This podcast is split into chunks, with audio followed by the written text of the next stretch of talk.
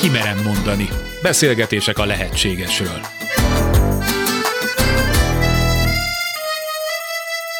Képes-e az ember a nézőpontja a tudata megváltoztatására? Napjaink fogyasztói társadalmában, egy rendkívül versengő, individualista kultúrában vajon meghaladhatók-e a hétköznapok diktátumai? Ha igen, mennyiben és milyen áron? Vagy a tanult, az öröklött, a beidegződött mintáink és világlátásunk vezérel bennünket? A válasz bonyolult és sokrétű. Érdemes szétszálozni. Sugár Ágnes vagyok, köszöntöm Önöket. Ebben a sorozatban beszélgetéseket hallgathatnak, a lehetségesről úgy is mondhatnám, egy újfajta tudatosság lehetőségének vizsgálatára indulunk. A két beszélgetőtárs Majer Máté, pszichológus, család- és párterapeuta, és Tar Bence László, filozófus, kulturális antropológus, buddhista tanító. Kimerem mondani. A legutóbbi adásban azt vizsgáltuk, hogy miként szabadulhatnák meg a múltunk ma is fájdalmas érzéseket okozó terheitől, a haragtól, a csalódottságtól, a megbántottságtól, ami bennünk él. Hogyan tanulhatnánk meg, hogy az érzelmeink ne tartsanak fogva minket. Most folytassuk azzal, hogy mit tehetünk azért, hogy a jelenben, a mostban ne gyártsunk olyan érzéseket, olyan fájó érzelmeket, amelyektől aztán később nagyon nehéz lesz megszabadulni. Ugyanis Eckhart Tolle azt mondja, hogy az összes olyan negatív érzelem, amivel megjelenése pillanatában nem nézünk szembe, nem vizsgáljuk meg, és nem engedjük el, az mind-mind lenyomatot hagy, és velünk marad. Ugye az érzelem, azzal ha nem nézünk nagyon szembe is, hát egyrészt érezzük, másrészt maga az érzelem az viszonylag hamar, maximum fél óra alatt elenyészik, elmúlik. Amivel sebeket tudunk magunknak okozni, az nem önmagában egy érzés, nem önmagában egy érzelem, hanem gondolatok, amiket ehhez társítunk, esetleg élmények, amiket traumatikusan élünk meg, és aztán azok velünk maradnak, esetleg egy gyász, ami mondjuk bennünk ragad, ami nem önmagában csak egy érzés, hanem ott már mindig valami több van. Valami történés, valami gondolat és az ember nagyon szereti, ahogyan korábban is beszéltünk erről, a történéseivel, a vele megtörtént dolgokkal azonosítani magát. Tehát az emlékbe kapaszkodva vissza tudja idézni azokat a rossz érzéseket, és ilyen értelemben viszont fontos, hogy igen, azt gondolom, hogy amikor a jelen pillanatban rossz érzések születnek bennünk, akkor ezeknek az átkeretezésével ott és akkor már a kialakulásuk pillanatában érdemes foglalkozni, és nem utólag. Hát van hozzá eszközünk. Tolléval azért itt vitatkoznék ezen a ponton annyiban mindenképpen, hogy egyszerűen vannak olyan történések, helyzetek és emberek, ahol nincs meg az a megküzdési mechanizmus, hogy valamit tudnék csinálni. Nem tudom, ha összevernek az utcán mondjuk, vegyünk egy ilyen extrém példát, akkor azt hogyan keretezem én át fejbe azonnal? Biztos van olyan ember, aki ezzel meg tud küzdeni, de gyanítom, hogy sokkal többen nem. Ha elveszítem egy hozzám közel álló szerettemet, akkor azt ott, ott helybe, hogy tudom én átkeretezni magamnak? Szerintem sehogy. És ott függetlenül, hogy kinek milyenek a, a megküzdési képességei. Ott az a normális. Igen, ha átlag ember tekintünk, akkor én is így gondolom, hogy nincs meg a megküzdési stratégiája kéznél. Mondjuk egy harcművészt, aki rendszeresen verekszik, és mondjuk hozzá van szokva ahhoz, hogy pofonokat kap a, mondjuk egy küzdő téren, az megrázza magát, és a következő pillanatban tud erre válaszreakciót adni, és nyilván egész másként viszonyul hozzá érzelmileg. Tehát én azt gondolom, hogy a negatív érzésekkel való megküzdésre föl lehet készülni. Vannak arra stratégiák, és ezeket mondhatom, hogy ugyanúgy elő lehet venni ilyen szituációkban is, még ha az utcán például megvernek, váratlanul megtámadnak, vagy valami olyan atrocitásért, amire hirtelen nem voltál felkészülni, elő tudod ezeket venni. És mondanék is példát rá, ha engedtek, hogy például az egyik ilyen megküzdési stratégia az én fejemben rögtön az, hogy a, az ember fölteszi azt a kérdést, hogy kinek a problémája ez hogy valaki oda jön hozzánk, és hozza magával a rossz érzéseit, és ezt ránk akarja vetíteni, vagy át akarja tolni ezt az érzelmet ránk, ami nagyon gyakran, hát az bántásnak egy formája, akkor valódi az első kérdés feltegyem, hogy mi közöm nekem ehhez? Kinek a problémája az, amivel találkozom? Vegyünk személyesebbet. Nekem például volt sok-sok évvel ezelőtt egy nagy autóbalesetem, amit megúsztam, uh-huh. sőt sértetlenül, a csodával határos módon, fizikai értelemben sértetlenül. Sokkal később derült ki, hogy lelkileg egyáltalán nem maradtam sértetlen. Én akkor ott azt hittem, hogy semmi, és évekkel később mai napig is, ha hidon megyek autóval, és egyik oldalon egy teherautó, van a másik oldalon a villamos, akkor nem veszek levegőt eddig, amíg meg nem szűnik ez a helyzet. Tehát a feszültségben nem maradt 30 év távolából, vagy még régebben történt ez a dolog vagy a barátnőm története, aki amikor a második gyerekét szülte, és fölült a szülőágyra, és elindultak a nagyon erős fájások, akkor úgy döntött, hogy ő hazamegy. Pánikba esett. Eszébe jutott, hogy ez hogy fog fájni és annyira megváltozott tudatállapotban volt, hogy az orvos kiabált vele, hogy nem megy haza, szülni fog. Mert ő komolyan le akart szállni a szülőhelyről, és haza akart menni. Nem ismert rá saját magára, de olyan pánik fogta el a félelemtől, amivel nem foglalkozott az első szülést követően, mert hisz ott volt a kisbaba, akinek örült. Ez, ezek nagyon jó személyes példák. Pont azt látom mind a kettőben, amit az előbb állítottunk, hogy az emlékekben való azonosulás mindkét esetben az, ami a rossz érzéseket szüli, hogy velem ez a helyzet már megtörtént, és az rossz volt, tehát ez az új helyzet, ami olyan, mint egy korábbi, is szükségszerűen azt a rossz érzést kell, hogy hozza. Szerintem ez jól mutatja azt, hogy az öntudatunk az mennyire ragaszkodik ahhoz, hogy a korábban vele történett dolgok általános mintaként szolgálnak a jövőbeli eseményeknek is. És ez egyáltalán nem igaz. Ez tulajdonképpen egy hamis önazonosulásnak az eredmény. De nyilván az ember nem akarja, hogy ez így legyen. Mikor kell ezzel elkezdeni foglalkozni, ha történik valami, ami mélyen érint, és hirtelen azt hiszük, hogy mi ezen már túl vagyunk. Még mielőtt kiderül, hogy mégsem, azelőtt mit kellene csinálni, és mikor azelőtt, hogy kiderülne semmit, amikor kiderül, akkor lehet kezelni, mert addig nem tudjuk, hogy probléma van. Tehát ha leesik valaki a lóról, akkor nem az a szabály, hogy vissza kell ülni rögtön és hát a lovasok között az a szabály, hogy ha ugye visszaül, és, és akkor megint lovagol, ez lehet, hogy benne föloldódik, de lehet, hogy nem. Hogyha ő ezt valami miatt traumatikusan éli meg, és én erre próbáltam utalni az imént, ebben a verekedős példában is, de akár mondhatom volna nem erőszakot, szerintem nem lehet rá fölkészülni lélekben, tehát, hogy vannak olyan dolgok, amik bennünk traumatikus emlékként maradnak meg, és azokat nekem az a tapasztalatom, inkább így mondom, hogy azt egy hosszabb folyamat feldolgozni. Nem csak az van, amit mondasz, Bence, hogy ott van bennünk az emléke, hogy velünk valami rossz történt, és megtörténhet újra, és ez már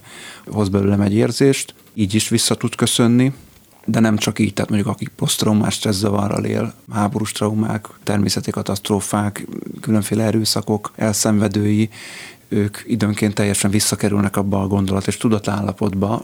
Itt nehezen tudnám úgy, ahogy mondtad Bence, értelmezni, hogy, hogy azonosul azzal, és akkor abban öntudatot vagy valami fajta azonosulás lel, hanem, hanem egyszerűen ilyen eszköztelenül rátörnek ezek az emlékek, és visszaesik abba az állapotba, ugyanazokat az érzéseket éri meg, amiket akkor újra traumatizálódik. Pont ezért például terápiában, amikor traumák feldolgozásáról beszélgetünk, akkor soha nem a traumát meséltetjük el a személlyel, mert csak újra traumatizálnak. Igen. Hozod ezeket a példákat, poszttraumás, ugye stressz szindrómát, teljesen aktuális, hogy egy tíz éves kutatás zárul le most Amerikában, az amerikai katonák között az ilyen PTSD-s katonákat MDMA-nak nevezett pszichotropikus szerekkel kezelik, pszichoterápiás közegben, pontosan azért, hogy a velük megtörtént extrém traumát, azzal való emlékkel való azonosulást fölül tudják írni, és ez nagyon érdekes, hogy azon túl, hogy egy ilyen pszichoaktív szert használnak a, a személyiség megoldásához, konkrétan ahhoz, hogy egy, mondhatjuk, hogy módosult tudatállapotba kerülve az a személy önmagát egy más minőségben tapasztalja meg, és ennek a más minőségnek a tükrébe tudja ezt a szorongását elengedni. És nagyon érdekes volt a tanulmány, amit most olvastam pár napja ezzel kapcsolatban, hogy az emlékezethez kapcsolódó agyi területeknek a konkrét idegpályáit változtatja meg állítólag ez a szer, illetve ennek a szernek a hatása alatt maga a pszichoterápiás beszélgetés, és az emlékek teljesen más minőségben jelennek meg, amik már nem okoznak szorongást, és nem hoznak újra előtraumatikus élményeket. És ennek a kapcsán most legalizálni fogják az MDMA-t, ami eddig egy tiltó listán szereplő szer volt, és ennek a PTSD-nek a kezelésében igenis használható lesz. Elmentünk a szélsőségek irányába, de maradjunk akkor a hétköznapi eseteknél. Megcsal a párom, átélek valamilyen fájdalmat és traumát, hogy ne vigyem magammal tovább, és ne vetítsem rá a következő kapcsolatomra, vagy a hasonló helyzetre. Hm? Mi a teendő ideje korán? Az előző példához kapcsolódva azt mondom, hogy megint a hamis identitás tudat okozza a válságot és a traumát. Azt, hogy nem fér bele az önmagamról kialakított képbe az, hogy engem megcsaljanak. Az velem nem fordulhat elő, az nem lett az én világom része. És amikor ezzel találkozom, hogy egy ilyen esemény megtörténik, akkor ott van egy meghasonlás azzal, hogy a magamról alkotott kép, meg a valóság, az a kettő valahogy nem egyeztethető össze. Nagyon kevés ember tud együtt élni ezzel a tudattal, hogy őt megcsalhatják. Nyilván ez egy nagyon-nagyon komplex kérdés, mert ebben, és akkor kicsit kapcsolódok ahhoz, amit Bence te mondasz, egy tágabb merítésben először. Tehát, hogy ebben ugye benne van az, hogy hogy gondolkodok én a megcsalásról, vagy a hűségről, hogy mi az a norma rendszerben engem fölneveltek, abból mit tettem magamével, vagy mit nem tettem magamével ez az én számomra mit üzen? Az adott helyzetben, az adott kapcsolati szituációban ez nekem micsoda? Mert ha például benne vagyok egy nagyon rossz párkapcsolatban, amit én magam is nagyon rossznak élek meg, nem egyszer találkoztam már azzal, hogy a másik hűtlen volt, és akkor ő neki az végre egy felmentést adott, hogy akkor véget lehet vetni a kapcsolatnak, ráadásul a másikra lehet mutatni, hogy miattad lett vége, mert te megcsaltál.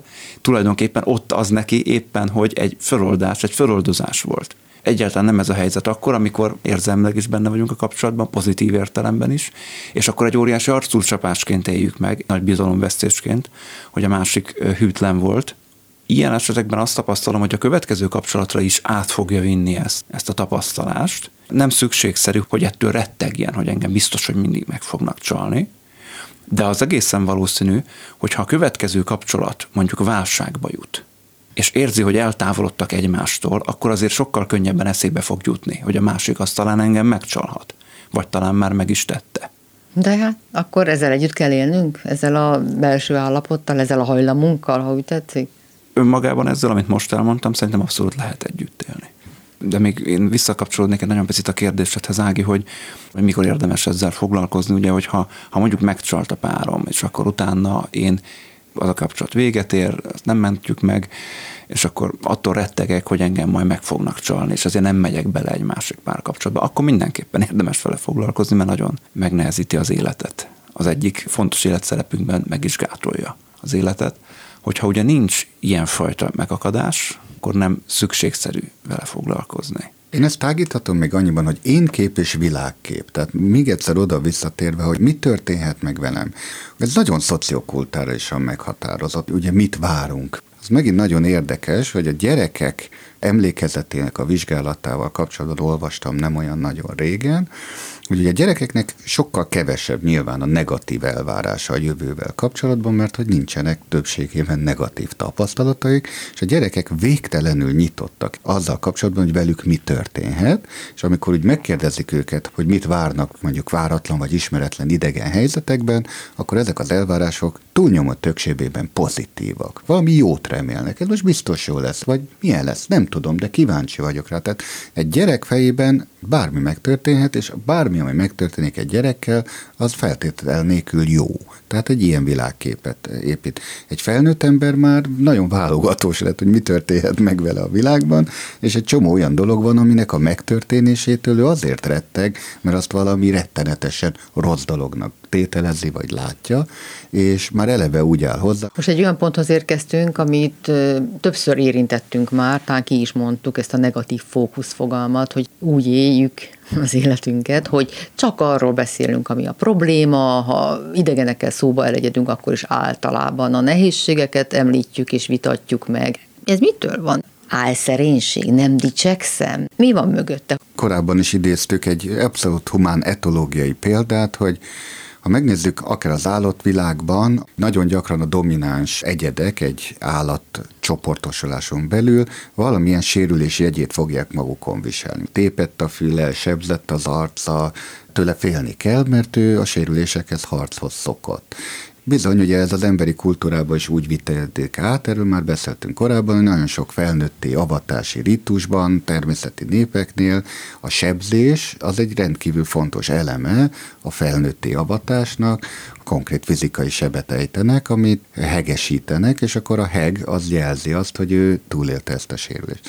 És szerintem tudat alatti ösztönünk továbbra is az, hogy nekünk azért kell azokról a nehézségekről beszélni, mert ez erősíti a mi elfogadottságunkat, bármilyen hihetetlen, és minél több nehézséget tudunk magunk mögött, és győzzük le magunkat, annál büszkében tudjuk, hogy ugye ami nem ölt meg, az megerősített. De a leghétköznapi helyzetekben is mindig arról beszélünk, ami a nehézségünk, ami az életvitelünk, a társadalom, a mindennapoknak a nehézsége. De azért a végére mindig oda tűzzük, és ennek ellenére élünk.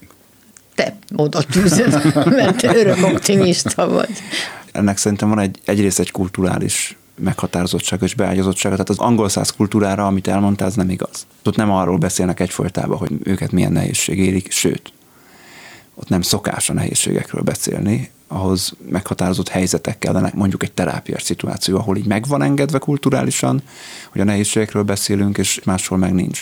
A közép-kelet-európai kultúrkörökben ez viszont szinte egy elvárás is hogy mindig beszélgessünk a minket ért nehézségekről, mivel ez egy kulturálisan meghatározott dolog, ezt könnyen tudunk kapcsolódni. Tehát, hogyha ebbe szocializálódott ugye mindenki, aki ebben a kultúrában fölnőtt, akkor, akkor könnyen kaphatunk emiatt egyrészt együttérzést, mi is a csoport részei vagyunk, az is van, amit mondtál, hogy akkor, akkor nem kérkedünk, hanem ugye panaszkodunk, mert adott esetben az mondjuk a mi kultúránkban szemben az angol százzal negatívabban van diszkriminálva. Hogyha valaki elbüszkélkedik valamivel, akkor ott nem, nem feltétlenül fognak vele örülni a hallgatói. Ezzel csak az a baj, hogy ez akkor is így működik, amikor nem beszélgetünk, vagy nem kapcsolódunk éppen másokhoz, hogy hajlamosak vagyunk mindig a rosszat látni mindenben, és ezzel megkeserítjük a saját magunk hétköznapjait. Attól függ, hogy milyen mértékig.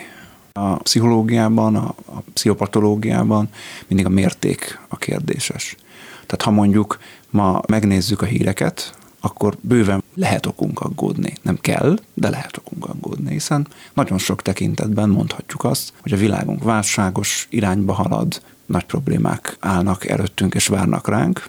Adott esetben, hogyha ezeket kimondjuk és ezekről gondolkodunk, az realizmus is lehet, nem feltétlenül pessimizmus a mérték mindig az, ami, ami meghatározó. Hát igen, de akkor ugyanide köthető vissza az is, és most nem csak a hírekről beszélek, hogy miért vonzanak például az erőszakos filmek komplet iparágak épülnek arra, hogy az embereknek ezt a negatív fókusz igényét, vagy boldogtalanság igényét kielégítsék. Hát az én magyarázatom, bocsánat, az, hogy a mi kultúránkban, a nyugati kultúráról beszélek most, nagyon-nagyon le van korlátozva, és be van szabályozva az erőszak. De az ember nagyon sok más mellett erőszakos is tud lenni. És a filmeknek én úgy gondolom, hogy van egy olyan szerepe is, hogy bizonyos viselkedéseket, vagy bizonyos érzéseket szocializáltan megengedett formában enged megélni. Például a horrorfilm a félelmeinket. Annak egy alműfaja az undort.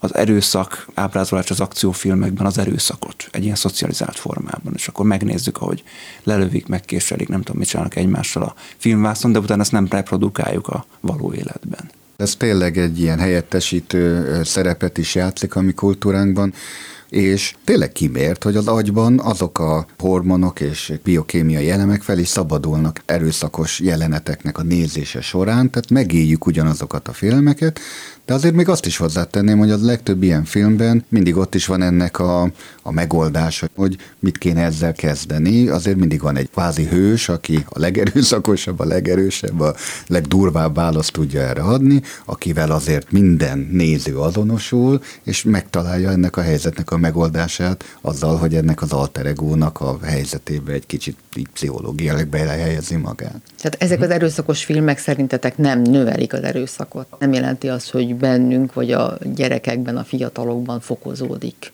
ez az igény, ahelyett, hogy levezetődne mondjuk. Nem önmagában növelik az erőszakot. Erre egy konkrét tanulmányt olvastam, és azért azt hagyj idézem ide, hogy azért az érdekes, hogy rövid távon az az izgalmi állapot, amit ez létrehoz, tehát a konkrét biokémiai hatása ennek igenis növeli az erőszakot. Tehát, hogyha ha most egy gyerek például ilyen filmeket néz, vagy ilyen komputerjátékokat játszik, ha befejezi ezt a játékot, ő igenis abban az izgalmi állapotban marad még egy ideig. És akkor igenis kiabálós, és türelmetlen, és agresszív, Tehát, hogyha egy szülő azt mondja a gyerekének, hogy kérlek, hagyd abba a lövöldözős játékot, és gyere vacsorázni, az a gyerek iszonyatos ingerülten és agresszíven fog reagálni, hogy dehogy megyek én most még lelövök nem tudom én hány ellenfelet, mert még abban a felfokozott állapotban van. De amikor az elő, előbb azt mondtam, hogy nem önmagában a, az erőszakos film, vagy éppen videójáték növeli meg az agressziót, akkor arra gondoltam, hogy, hogy nem mindegy, hogy aztán mit kezdünk ezzel, amit te is mondasz, Bence, hogy ami ott fölszabadul. Mert a gyerek mondjuk a játékban lelő akármennyi ellenfelet, a szülei felé is agresszióan fordul, de őket nem lövi le. Nem tudom, Amerikában mondjuk lehetősége is lenne lelőni esetleg sok családban van ott fegyver, és talán tudja is, hogy hol van. De mégsem teszi meg, tehát ott azért bekapcsol valami fajta tudatos kontroll, egy ilyen szocializáltság. És hogy ez nem mindegy, hogy oké, okay, ott megél valami indulatot a gyerek, de hogy ezzel mit kezd a környezete. Egyáltalán milyen közegben nézi ő ezt, milyen közegben fogyasztja ezt. Ugyanez igaz a felnőttekre is. Nyilván egy gyerek kiforratlanabb személyiség, meg szocializálatlanabb, neki még sokkal inkább szüksége van arra, hogy, hogy el legyen mondva, akár a film által is, de még inkább a fontos felnőttek, jobb esetben a szülei által, hogy ez most itt miért történt, miért az történt, ez miért nem jó, hogyha való életbe történik, mi következik ebből, hogy érzi magát az a bácsi, az a néni, akinek a szerettét éppen ott kinyírták az imént. Szóval, hogy akkor úgy lehet egy kicsit ilyen irányba tovább vinni. A legtöbb szülőnek egyszerűen nincs meg az erőforrása, nincs meg az ideje arra, hogy ezt így végig beszélje a gyerekével, adott esetben a, akár a videójáték, akár a tévé, vagy még inkább a mobiltelefon most már az ilyen gyerekpásztorként működik, meg sokszor felnőtt pásztorként is működik, és nincsen kezelve, hogy amit ott megélt, hogy azzal, azzal mit kezdjen, és ez a probléma. Itt azért figyelni kell arra, hogy egy szociopátiát is okozhat ez, tehát az, hogy egy társadalom például az agresszió mértékét miben látja, hol húzza meg annak a határát, ebben óriási kulturális különbségek vannak.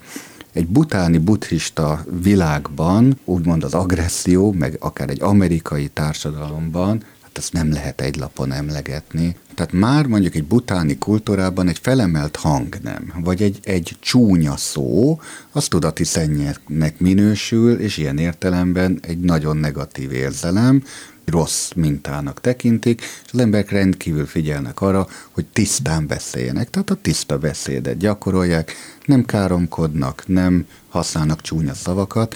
Hát most ehhez képest, ha egy amerikai filmben nincs csúnya beszéd, akkor az nem tudom, nem kurens. Hát az inger küszöbünk alatt van jóval. Jóval az inger küszöbünk. Tehát észre se veszik, hogy milyen trágáról beszélnek például ezekbe a filmekbe, sőt azt gondoljuk, hogy bizonyos karakterekhez ez szükségszerűen hozzá tartozik, mert ő ettől nem tudom, férfias vagy határozott, Oké, okay, hát a felnőttnek az a dolga, hogy a gyereket ez esetben segítse kézenfogva, de a felnőtt hogy tudja magát kézen fogni, hogyha ilyen darabokat fogyaszt? Én most egy picit máshonnan közelíteném meg, és visszatérnék az érzelmekhez.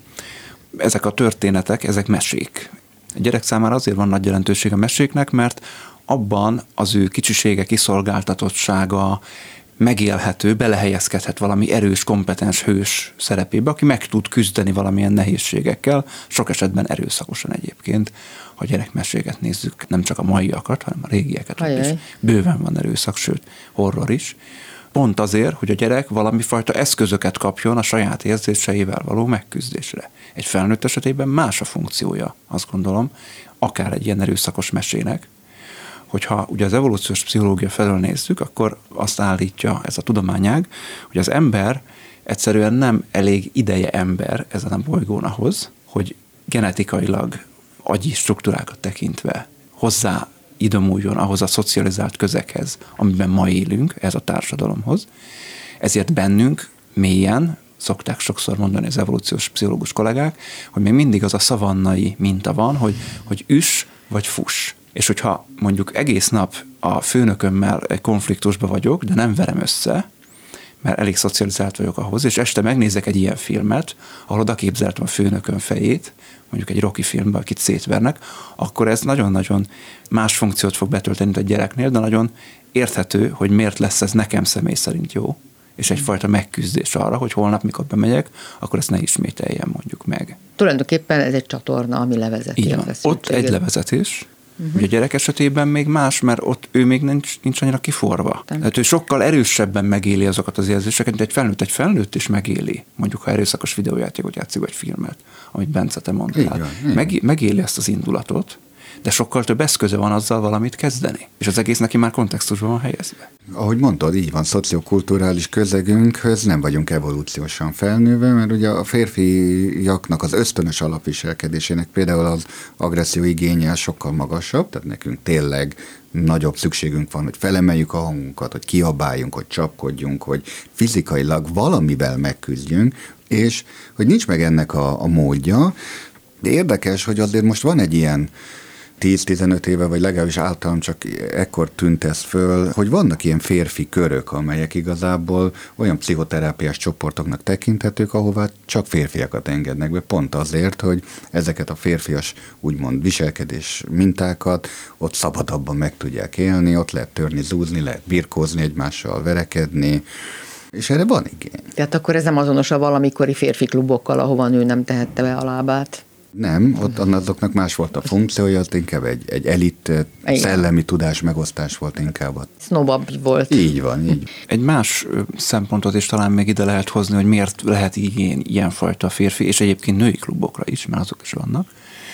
Mert hogy ugye ma az, hogy hogyan elfogadott szociálisan érintkezni egymással, itt a PC kommunikáció idején, ugye egészen más, hogyha csak férfiak vannak egymás között, vagy ha csak nők vannak egymás között, hogy ott elengedheti magát. Tehát még mondjuk annó ezek a klubok adott esetben ilyen elitista, patriarchális hierarchiát is tükrözhettek, ez valamennyire meg lehet a maiakban is, de hogy talán van egy ilyen is, hogy ott, ott, ott végre elengedhetem magam, gyanítom egyébként, hogy régen is volt egy ilyen egy ilyen üzenete ezeknek. Az, hogy egyébként mennyire a férfiak sajátja az erőszak, azt azért nem tudom, mert ennek is van egy ilyen nagyon erős szociokulturális beágyazottsága. A nők is pont ugyannyira tudnak erőszakosak lenni, mint a férfiak, csak a nők esetében, a kislánykorban ez sokkal inkább büntetve van, a fiúk esetében meg sokkal inkább engedve. Beszéljünk most azokról, akiknek egyfajta ellenség igényük van. Tehát fokozottan érvényes az, hogy mindenhol, minden közösségben előbb-utóbb konfliktust találjanak, vagy akár generáljanak, családtagjaikkal hosszú viadalokba bocsátkoznak, és lehet, hogy meredek kijelentést, hogy nagyon sok aktivista működése mögött ez az attitűd áll. Tehát, hogy mások érdekeiért, jó ügyekért szállnak sikra, de nagyon sokan közülük előbb-utóbb mindenhol ellenségeket találnak, hogy ugyanerre a rugóra járt ez vajon miből táplálkozik? Hát erről korábban egyszer már beszéltünk, hogy az identitás tudat egyik alapja az, hogy milyen nem vagyok én. Tehát mitől tudom magamat megkülönböztetni másoktól.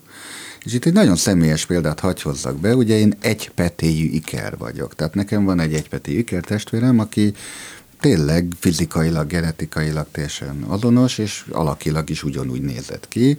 Amikor az én feleségem neki elkezdtem udvarolni, komolyabbá vált a kapcsolatunk, akkor ő neki, és ezt később mi ki is beszéltük, hiszen pszichológus egyébként, hogy neki muszáj volt a iker testvéremet ellenségé változtatni magába, az ő negatív tulajdonságait felnagyítani, mert egyébként ez egy nagyon fura helyzet lett volna, hogy hát nem mondhatta, hogy Bence, te olyan szép vagy, mert hát ő pontosan ugyanilyen szép volt, vagy hogy te milyen daliás vagy, mert ő is ugyanolyan daliás volt. Tehát külső tulajdonságok alapján nem tudott különbséget tenni közöttünk, nem is kellett, tehát belső tulajdonságok alapján akarta megkülönböztetni azt, hogy az egyikünk milyen a másikhoz képest, és ugye te nem vagy olyan, mint ő, ugye ez az igény, ez egy borzasztó fontos dologgá vált, és én azt gondolom, hogy ezeket a negatív tulajdonságokat, amiket ő felnagyítva látott az ikertestvéremben, ezek egyáltalán nem voltak benne. De ez már a megkülönböztetés egyik alapja kellett, hogy legyen, és azt gondolom, hogy ugyanez igaz, tehát ha nem is ikrekről van szó, de akár másokkal kapcsolatban, hogy én nem vagyok olyan, mint te. Először csak a különbségekre figyelek, utána ezeket a különbségeket felnagyítom, utána már ez, ezeket a ellentétes tulajdonságokat démonizálom, hogy azok végképp ugye rosszak, és értékrendileg is teljesen szembeállítom a sajátommal, és akkor a végén jön ez a minden, amit ő képvisel, az az én totál ellentétem. Hmm. Nagyon könnyű idejű. Én itt két esetet különböztetnék meg. Az egyik, amit te mondasz, Bence, amikor valakiből csinál valaki egy ellenségképet, és akkor ő vele vagy velük keresse a konfliktust, és a másik, amit talán Ági a kérdésedben szintén ott van, hogyha valaki független attól, hogy kivel lép interakcióba, ő mindig mindenkivel Igen. konfliktus generál. Tulajdonképpen akármelyiket is nézzük, mind a kettőt én megküzdési módnak tekinteném. egyfajta megküzdési módnak, mivel Bence most többet beszélt, és, és személyes példán keresztül az egyikről, ezért én most a másikról beszélnék többet. Amikor valaki mindig mindenkivel konfliktusokat generál, ez egy nagyon jó eszköz arra, hogy elterelje a figyelmet, adott esetben a saját figyelmét is nehézségeiről, mondjuk elakadásairól, akár traumáiról.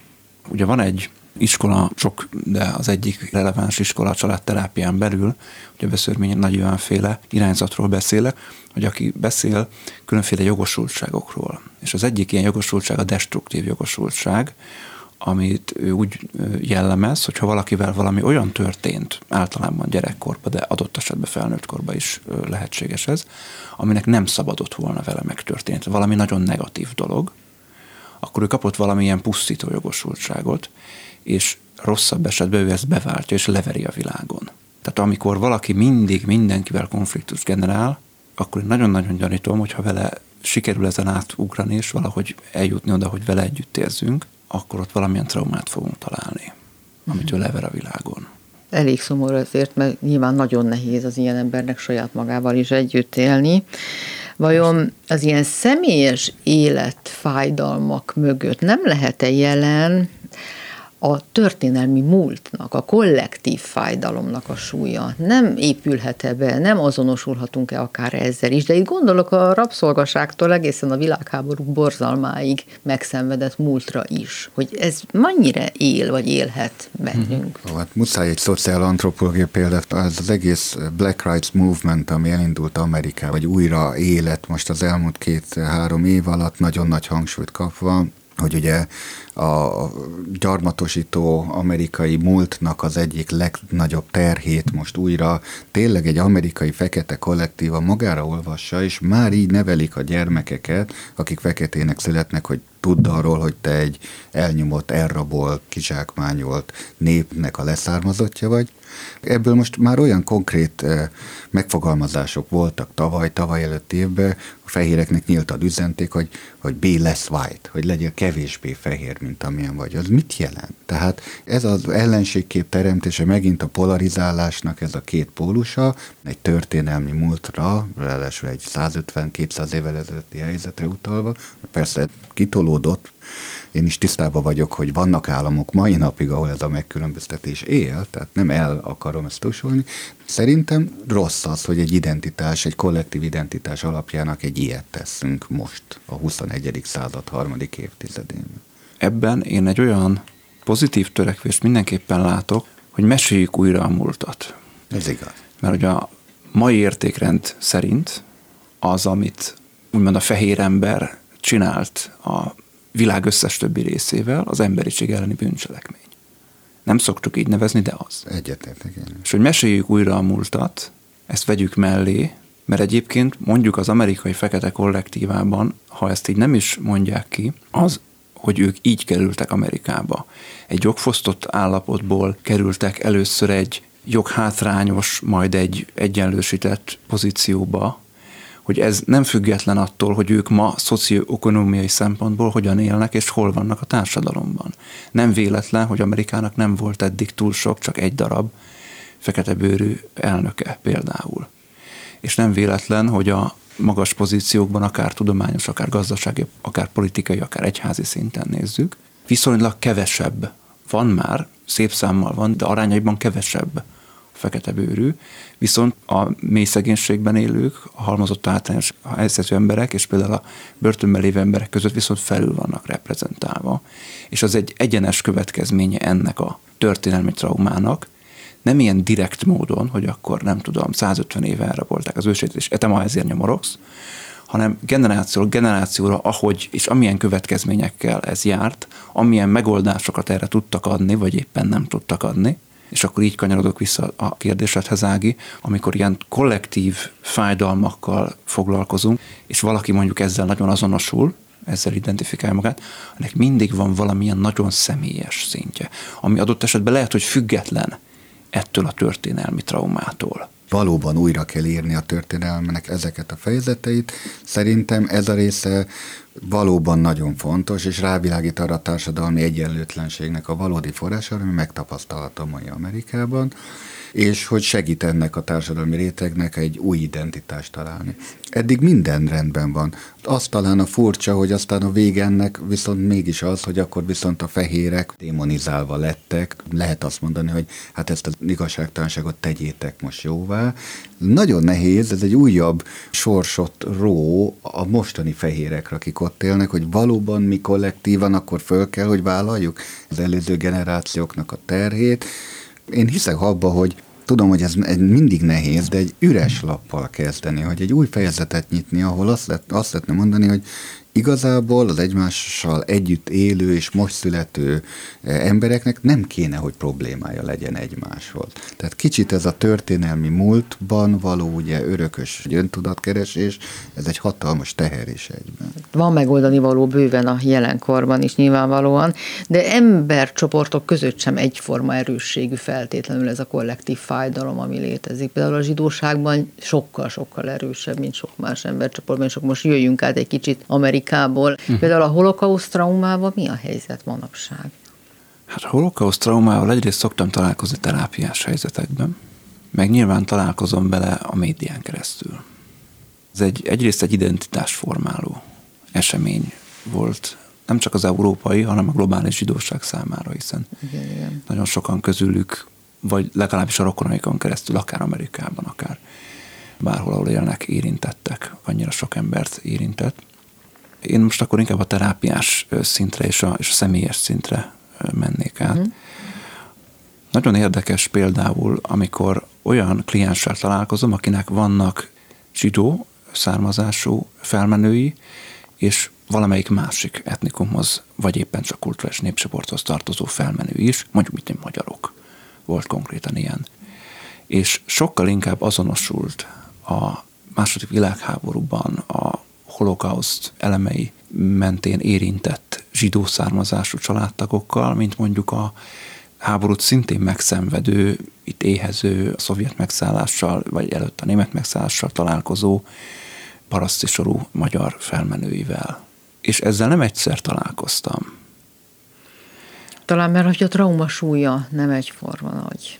Csak közvetőleg mondom, hogy nagyon tanulságos lenne, hogyha minél többen elvégeztetnék azt a DNS vizsgálatot, amely már divik a világban, ami pontosan megmondja, hogy honnan származunk, és milyen őseink vannak, és kiderül, hogy micsoda patchwork a származási vonalunk, hogy mindenki milyen sokféle nemzetből származik. Hát ez annyira igaz, ha megint egy személyes történetet hozhatnak, csak itt a, ugye a kollektív fájdalomnak az érdekessége, hogy az én felmenőim között egy igazi Rómeó és Júlia történet van, mert nagypapám és nagyanyám anyai ágon egyikük zsidó család származottja volt, nagypapa, nagyapám ágán, a nagyanyám viszont egy svájci, egy nagyon elitista német családnak a leszármazottja, tiltott kapcsolat, tulajdonképpen nekik meg kell szökni a családok elől, és úgy kötnek házasságot, mind a két fél fúj a másikra, és hát jön a második világháború, ez ugye még jobban kielesíti ezt az egész történetet.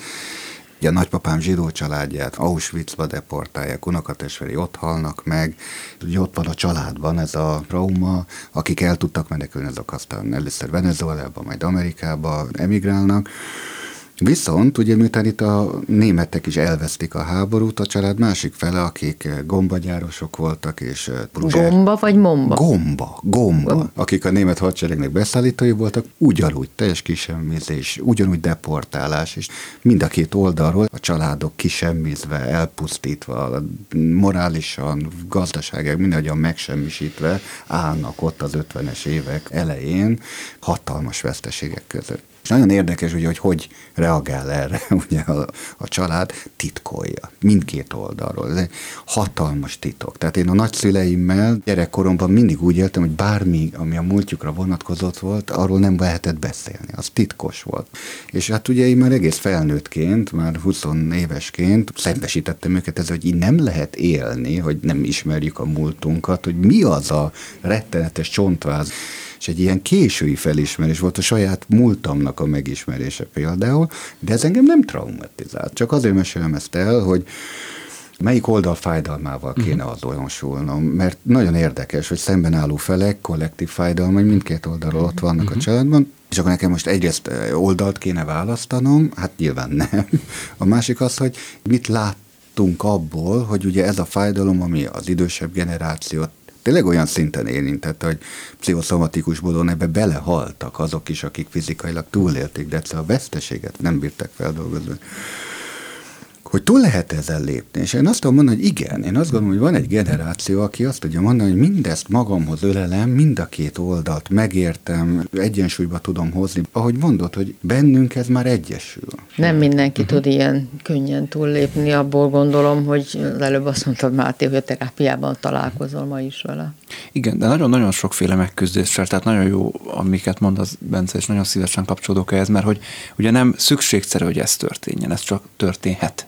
A másik, ami nagyon fontos, amit mondasz, én is csak hangsúlyoznám, hogy azért, hogyha megnézzük a második világháború sújtotta Európát, itt mindenki traumatizálódott ebben. Maga a világháború azért tört ki, mert az első világháborút úgy zárták le, ahogy. És aztán a második világháború ugyanúgy traumatizált minden abban érintett felet, ami megjelenik ebben a Black Lives Matter-ben is, megjelenik a holokauszt feldolgozás emlékezetében is, hogy amikor ez titkolva van, amikor ez generációkon át titkolva van, amikor erre nem lehet vagy nem szabad beszélni ilyen-olyan politikai, kulturális tényezők miatt, annak mindig borzasztóan megzápító hatása van. Viszont a feloldás is ebben benne van, tehát hogy mondjuk lehet azt mondani, hogy, hogy elismerem, ami veled történt, és elismerem, hogy a szörnyűség volt, amit veled történt, és én mondjuk, aki nem tudom, a második vagy harmadik generáció, vagy akár hanyadik generáció, ahhoz képest, akik ezt veled elkövették, hogy én viszont nem vagyok velük azonos. Igen, tehát ez a titkolózás, amiről itt beszéltem, hogy a nagyszülők nem tárták föl végül is a családnak a múltját, nagyon megrontotta a családi légkört, a kapcsolatokat, volt egy ilyen folyamatos, érthetetlen, rejtett eh, feszültség ott a múlttal kapcsolatban, ami a jelen a következő generációkat is folyamatosan sújtotta, és amíg ez föl nem lett tárva, és legyen egy valaki azt, hogy tegyük ezt már ki, hogy mi van itt, egy őszinte nyitottsággal odállni, és azt mondani, hogy nézzünk szembe hogy mi történt. Tényleg, mi, ahogy mondod, nincs olyan európai család itt közép-kelet-európában, aki ne traumatizálódott volna, ahol ne lennének halálesetek, orosz munkatáborokba deportált, 56-os menekültek, nem minden van, minden. Mm-hmm. Elképzelhetetlenül nehéz sorsoknak egy ilyen fura kusza szövevénye, és annak mindenképpen van jelentőség, hogy ezzel szembenézni, ezekről tudni. Erről nagyon nyíltan kell uh-huh. beszélni, pont azért, hogy az új generációk egy nyitott tudattal, ezeknek a teljes megismerésével azt mondhassák, hogy hú, hát ez tényleg egy nagy batyú, ami most uh-huh. itt van, és akkor ezzel nekem mi dolgom, uh-huh. mit kezdek ezzel? És akkor ez a terápiás irány, hogy hogyan tudunk ebből kijönni, hogy most már ezt kezdtük el boncolgatni. Azért érdemes például ránézni az ilyen nagy batyukra, mert akkor innen nagyon sok minden érthetővé tud válni egy adott család működésében mert mondjuk az egyik generációt a holokauszt traumatizálta, a következő generációt a holokauszt túlélő szülők traumatizálták, természetesen nem akarattal és nem tudatosan ők azért működtek valahogy, és aztán mondjuk ő az én szülőm, teszem azt, mondjuk a harmadik generációnál, és akkor ő azért működött úgy, és nem azért, mert én rossz voltam. Hát ugye a nők elnyomása is megér hmm. néhány gondolatot. Erősen bologatok, pedig én provokációnak élem meg, hogy hát azért a kereszténység előtti civilizációkban, mint hogyha, hogyha nőket jobban becsülték volna. Az egyiptomi, a kelt, a sumér, világban talán jobb volt nőnek lenni? Hogy más státusza volt a nőknek a kereszténység előtti kultúrában, ez nem kérdés. Ez tényleg így van, ennek minden jelen nyoma fennmarad. Erős túlzás azért volt egy antropológus a 20. század elején, Margaret Mead, aki még viszont az ellenkezőjét merte állítani, és azt mondta, hogy a kereszténység előtti kultúrák azok patriarchálisak voltak, és ott a, a nőknek volt a kiemelt központi szerepe. Ez inkább egy ilyen ellen mozgalomnak a hatására az akkori ugye, feminista e, irányzatokat erősítendő fogalmazódott meg így, de erre semmi bizonyíték nincsen, hogy akár a férfiak, akár vagy a nők túlzott dominanciát igényeltek volna mondjuk a kereszténység előtti társadalom, most ugye Egyiptomot, Sumert, vagy ezt az egész mezopotámiai eh, régiót, ha nézzük, nagyon úgy néz ki, hogy volt egy sokkal egészségesebb egyensúly a férfiú és a női szerepvállósok között, és egy ilyen ranguságról beszélhetünk, de az egyenlőség az mindig egy furcsa szó, hogy milyen értelemben egyenlő egy ilyen ókori társadalomban egy nő meg egy férfi teljesen más szerepe volt. És a szerepek nem voltak azonosak. Saját nemi identitásukhoz kapcsolódó szerepeket sokkal jobban elfogadták, egyrészt az, a nők is, a férfiak is, és ezeket egyen rangunak tekintették. Szerintem itt a 20. század közepén abból született egy értékválság. Rossz értelme egyenlőséget hirdet, ugye a feminizmus, tehát a jogon keresztül, de egyenlőséget követelt magának. Engem sokkal inkább érdekel, pszichológiai értelemben ez hol zápult meg. Azért nem könnyű erre válaszolni, mert hogy a nem csak pszichológus, de történelem tanár is vagyok, de hogy a, az írásos és nem írásos emlékeink azért erősen hiányosak. Van egy képünk arról, hogy körülbelül milyen lehetett a, nem tudom, az ókori mezopotámia társadalma, de, de mint ahogy a, a mai írások is mindig csak egy szeletéről szólnak a társadalomról, általában a középosztályról, vagy a felső középosztályról, miért gondoljuk, hogy ez, ha a régi korokról olvasunk, akkor ez másképp lenne?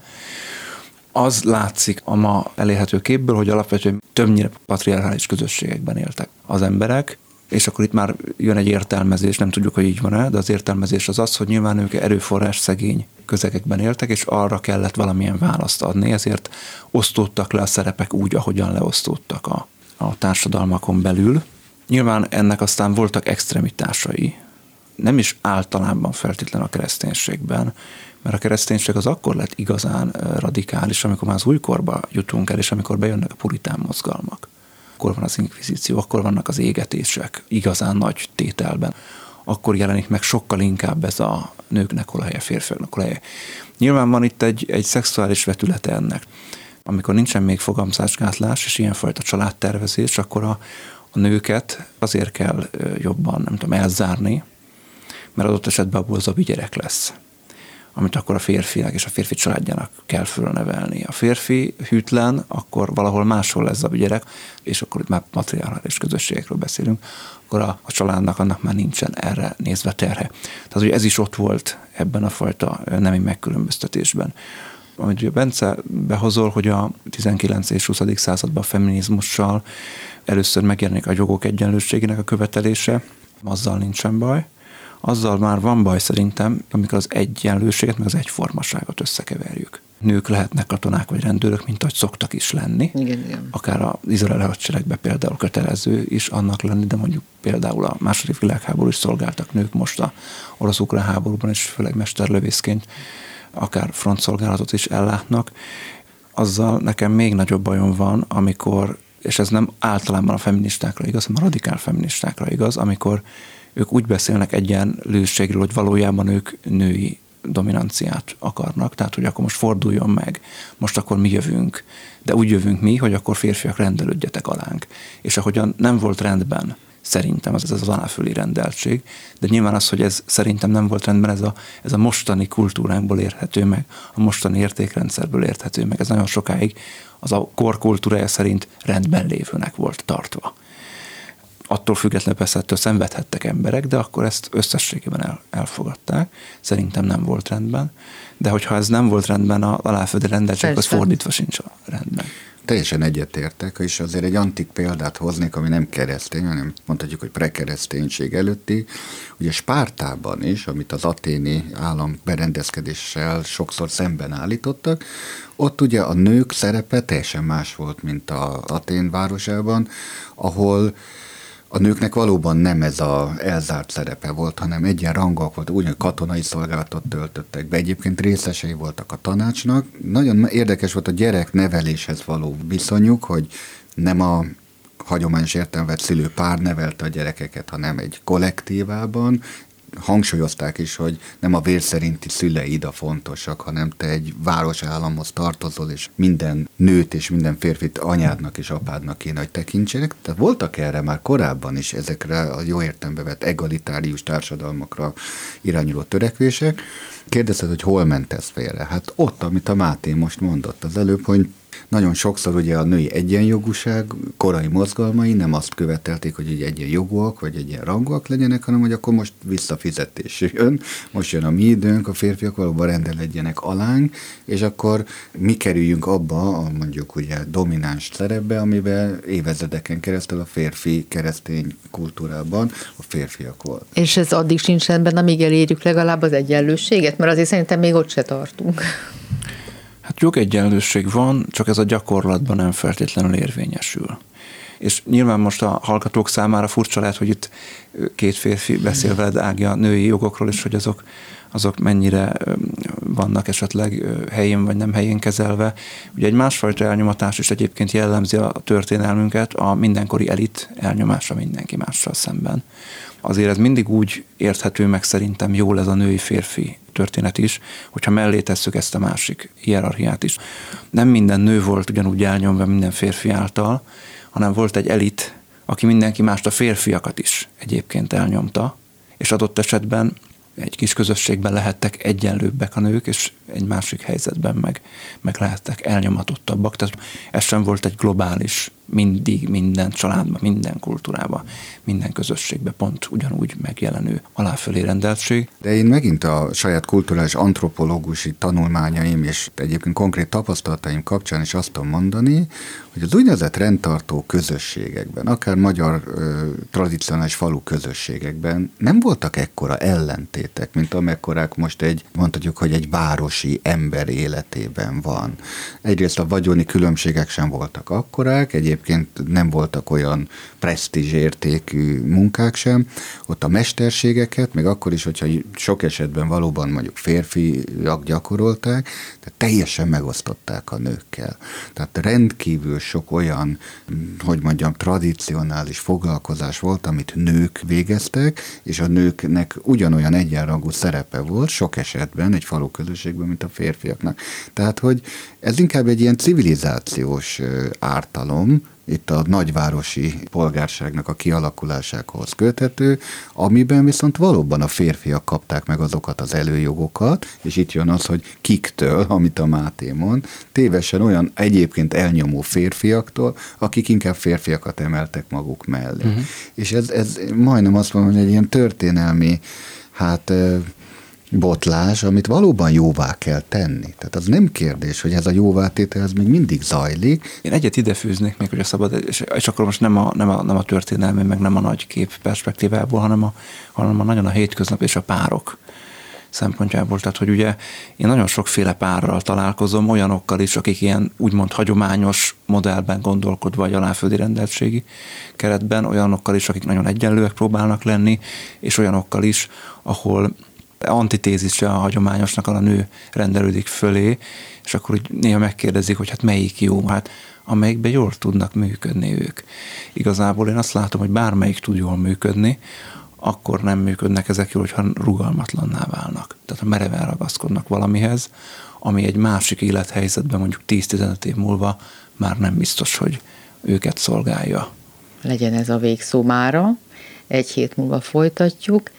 Köszönöm szépen Tarbence Lászlónak és Majer Máténak ezúttal is. Lantai Miklós és Gáb voltak a segítségemre. Viszont hallásra. Kimerem mondani. Beszélgetések a lehetségesről.